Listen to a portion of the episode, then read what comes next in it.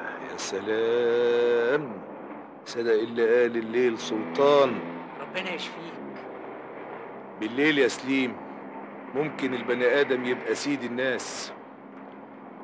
ملك البلد كلها صاحب كل الشوارع والعمارات والخمارات. وصاحب كل الحلوين اللي زيي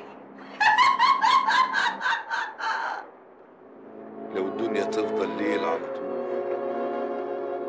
لو الواحد يعيش طول عمره كده لا له دعوة بالناس ولا الناس لهم دعوة بيه؟ لا مضطر يشتغل وينقرف ويعرق.